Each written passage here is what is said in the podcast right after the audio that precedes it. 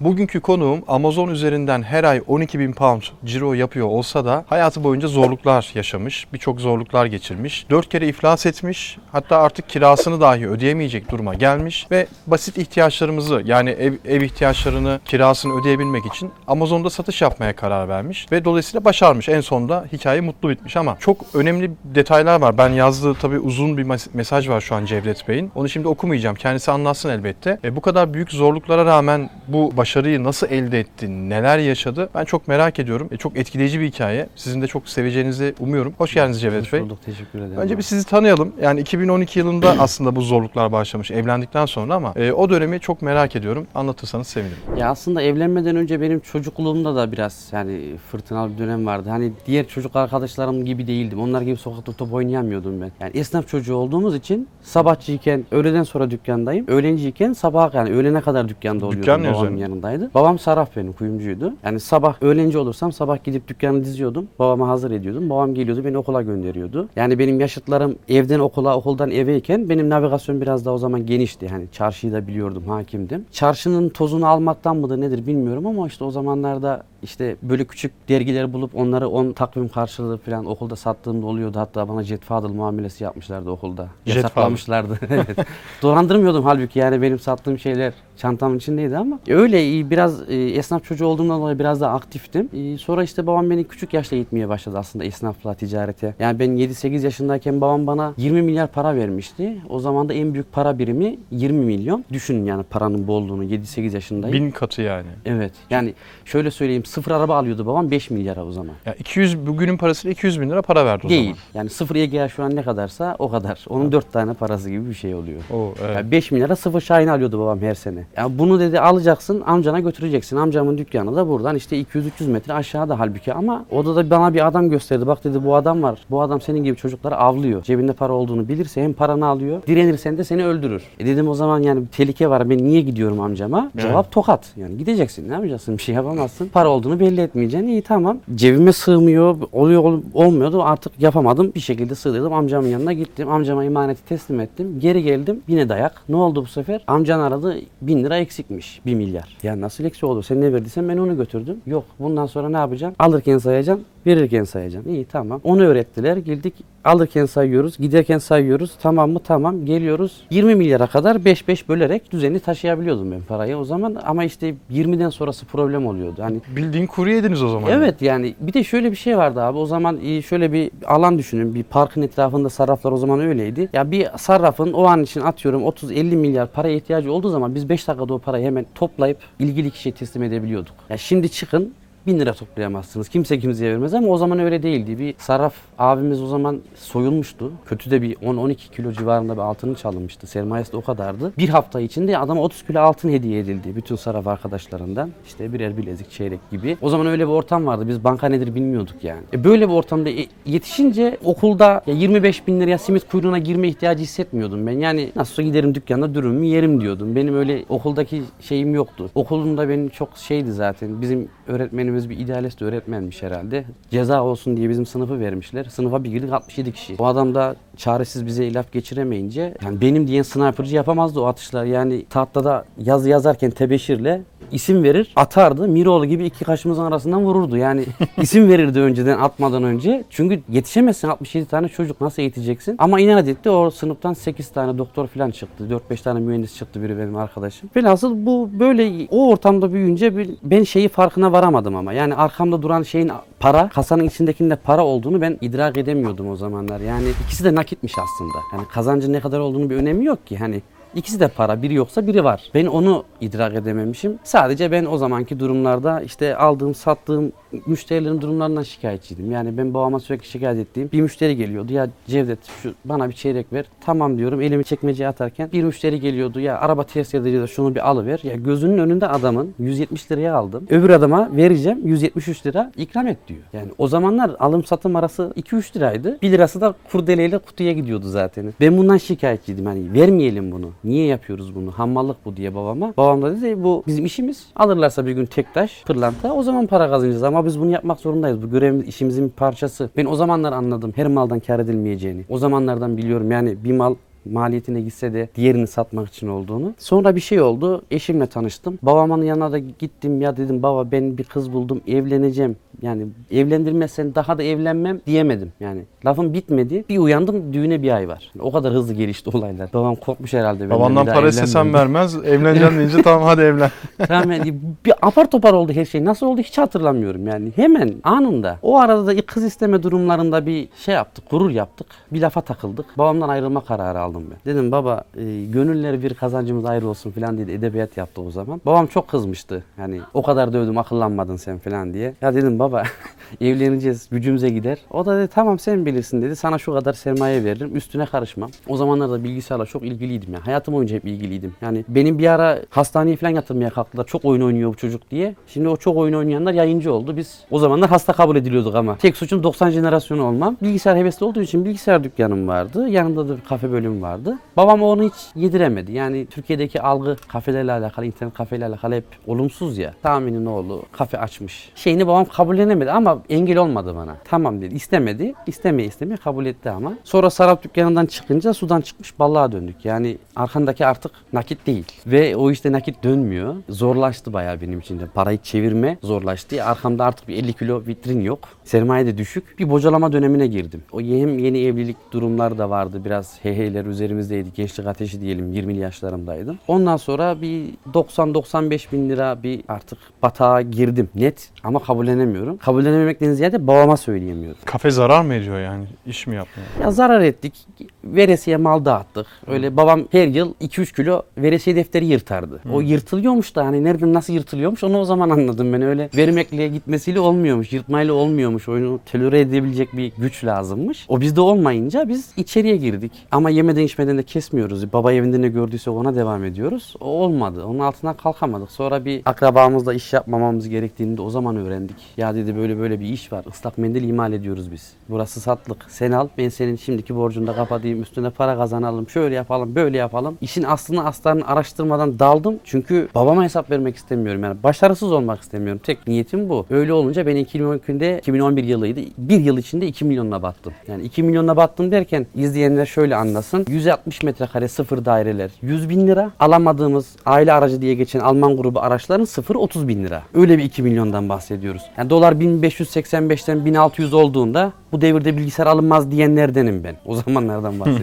Müthiş bir batış benim açımdan yani asla kaldıramayacağım. Karaman küçük yer. Babam insan içine Var çıkamıyor. olan bir para gitmedi. Eksiye düştü. Eksiye düştük. Anladım. Yani ben çek defterini imzaladım. Teslim ettim akrabama. O kullandı. Para gelecek diye bekledik. Gelmeyince patladık. Öyle olunca o zaman Allah'tan çekten hapis yoktu ama çok büyük patladım. Birdenbire bir şoka uğradım. Bir yıl eve kapandım. Hiç çıkamadım. Yani ben bir yıl çıkamadım. Ne olduğundan haberim yok ama aynı şekilde babam da insan içine çıkamaz oldu. Yani küçük yerin e, itibarlı ailelerindendik. Öyle diyeyim yani. Tam jet Fadıl oldunuz yani o Ya zaman. o zaman Jet Father, adımız Jet Father'a çıktı hak ettik o zaman yani. Ki hani ben şöyle dolandırıcılık şeyine katılmadım çünkü ya dedim dolandırmış olsam vurur giderim. Ya benim gidecek yerim yok hala buradayım. Niye buradayım ben yani? Yani halime bak. Ben neredeyim yani? Nerede yaşıyorum ona bak. Dedim yani ya böyle durumlar olduğu zaman birine bir şey verdiysem söyle aynısını sana da vereyim. Ya yok çünkü çok kötü durumdayım. Sonra eşim ben dedi bir şekilde evi geçindireceğim. Eşim bir yerde çalışmaya başladı filan. Biz ufak tefek toparlandık ve süt ürünleri grubuna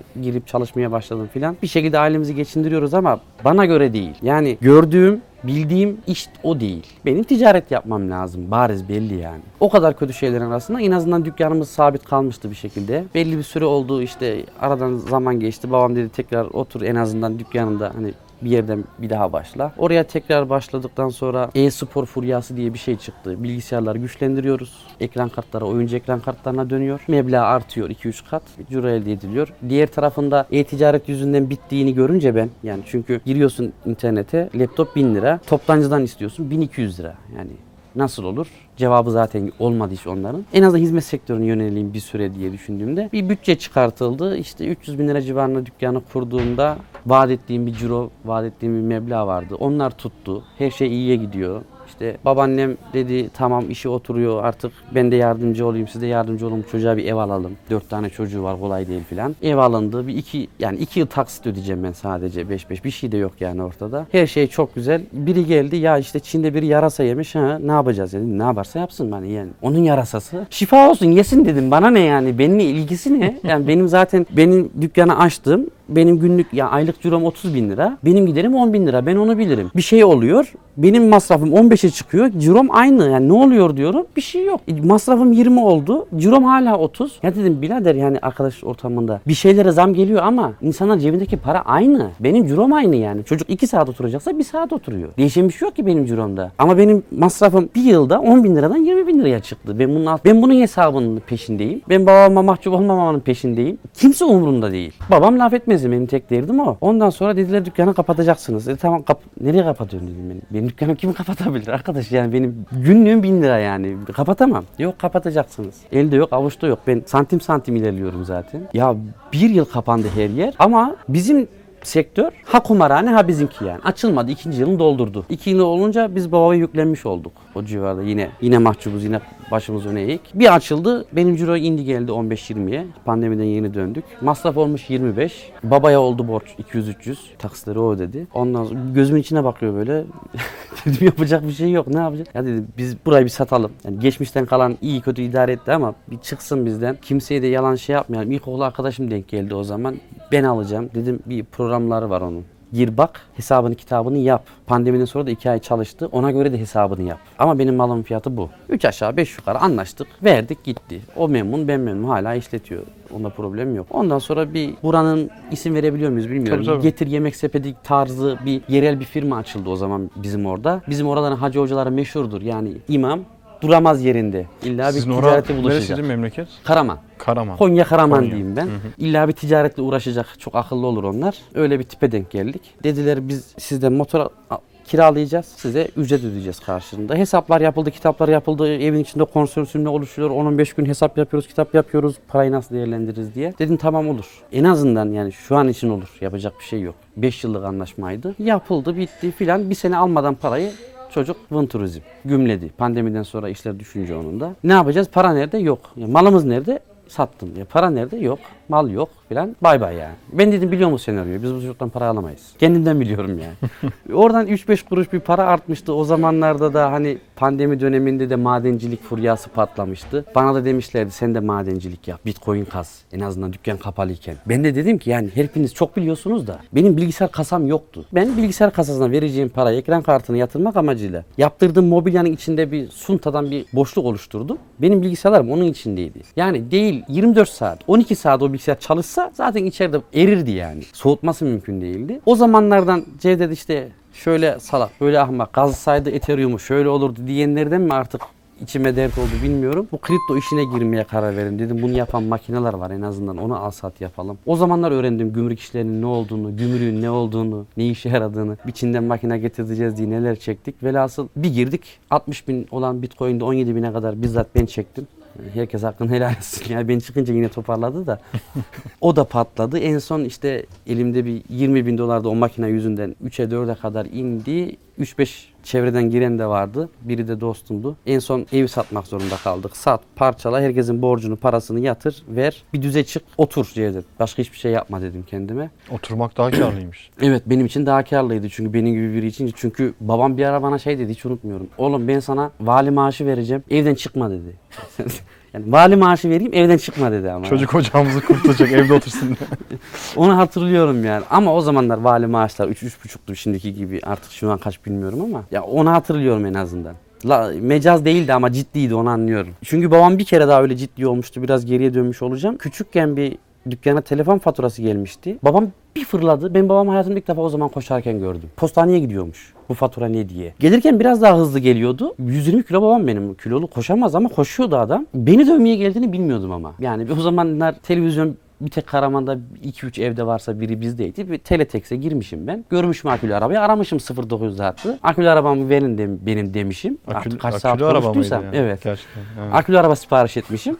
Babam bir geldi dükkanı kapattı. Bizim yüzü ölçen aletler olur. Biz ona malafa deriz. İşte 12-13 numara diye yüzün. Onunla adam dövüldüğünü ben o gün öğrendim. Ya bir dövüyor beni ama dayak yerken bilincinde değilim. Olayın benimle alakalı olduğunu hala anlamadım. Bir ayıldım. Telefon faturası gelmiş 300 milyon. Sen tahayyül et artık işte 5 milyar arabanın olduğu dönemlerde 300 milyon telefon faturası olunca babam aklını kaçırmış. Aradan 2-3 hafta geçtikten sonra bir de annem dövdü beni o için. Annemde de pik var sanki hani niye o gün dövmedin, niye 2 hafta sonra dövdün? Meğersem babam o telefon olayını atlatamamış. Psikolojik travma olmuş. Çünkü e, o zamanlar çaldırma muhabbetini annemgil icat etmişti. Yani bir kere çaldırınca teyzem, iki kere çaldırınca anneannem olduğunu annem anlıyordu. O arıyordu onları, onlara yazmasın diye. Babam telefon çalınca açmayın o telefonu, açmayın o telefonu diye bağırıp çağırıyormuşmuş evinde. Annemgille teyzelerimin bağlantısında ben kesmiş olunca bir turda öyle dayak yemiştim çünkü. Velhasıl nereden geldik buraya? Hani babamın ciddiyetinden gelmiştim. Otur dedim. En son işte herkesin parasını dağıtacağım, pay edeceğim. Ya battık artık. Annem babama borç kapatılacak. Annemden el altından aldığım varsa babamdan gizli o verilecek. İşte eşimden, dostumdan, akrabamdan, kardeşimden en son şunu unutmuyorum ama o gün e, dostum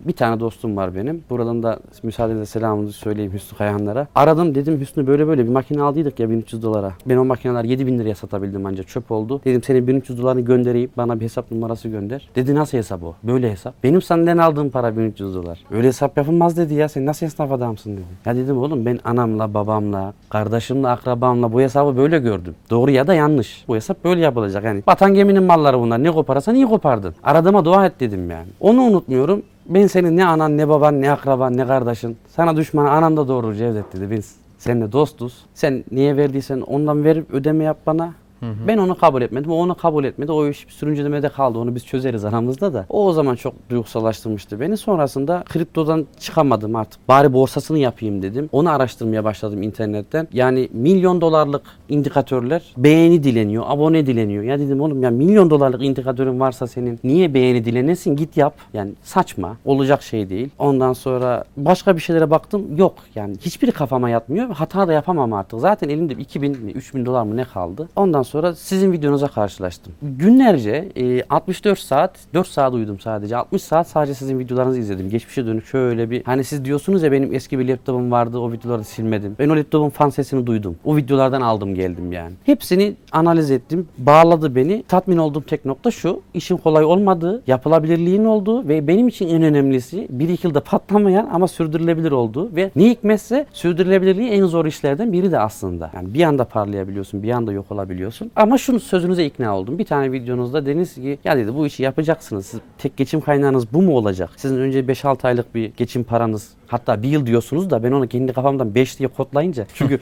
bir yıla yetirecek param yoktu. Ben onu 5 diye düşündüm kendimce. 5 ay yetecek paranız ondan sonra bu iş yani değilse girmeyin. Dediğinizde dedim bu iş gerçek. Bu abi de doğru söylüyor. Bu iş yapılabilir bir iş. Ama dedim nasıl yaparız biz bu işi? Sonra sizin Udemy'deki eğitiminizi aldım. Udemy'deki eğitiminizi aldıktan sonra çetrefilli bir iş olduğunu anladım ama bana uzak değil. Çözerim ben bu işi. Problem değil o. İş başka yerde yani. İş kafamda oturttum bazı şeyler oturdu. Dedim ben master eğitimini alırsam Tuger abinin dedim bu iş çözülür. Ama siz bu işin zirvesinde olunca oralara bütçem yetmedi benim. Başka türlü halletmek durumunda kaldım. Biraz deneme yanılma yöntemiyle yapmak durumunda kaldım. Bir de hep geçen videolarda şu var. Yani bir tren gidiyor. Nereye? Amerika'ya. İşte önünde misin, arkasında mısın? Önemli yok. Bin yeter. Bin yeter de nereye gidiyor bu? Amerika'ya. Ne var? İşin ucunda pasta var. Bölüşeceğiz. Pasta 2000 kişilik. Biz Türkiye'de binmişiz 10 bin kişi. Hani biz birbirimizi mi yiyeceğiz orada? Ne yiyeceğiz? Yani benim farklı bir yer. Hani aman gireyim 100 bin dolar kazanayım değil de şurada bir yerde 10 bin dolar hani kafamın ağrımadan kazanacağım bir yer varsa ben oraya gireyim istedim. Orada da sizin diğer bir videonuzla karşılaştım. Esnaf çocuğu da olduğum için vergi muafiyeti falan dediniz gerisini dinlemedim zaten. Dedim vergi de ödemiyormuş burada. Neresi orası İngiltere. Dedim oraya giriyorum ben. Hem küçük pazar hem İngiltere iyidir. Pound da dolardan yüksek. Hesaplar gırla yani. Deli gibi hesap yapıyoruz. Kendi hesabımı kendim açtım. Geri kalan aldığım para verip vermediğim, aldığım bütün eğitimlerin hepsi çöpmüş. Kendi nezdimden illaki faydalanan olmuştur. Ama sizin Udemy'deki eğitiminiz bana yetti. Sonraki onların diğerlerinin anlattığı her şey herkesin yaptığı.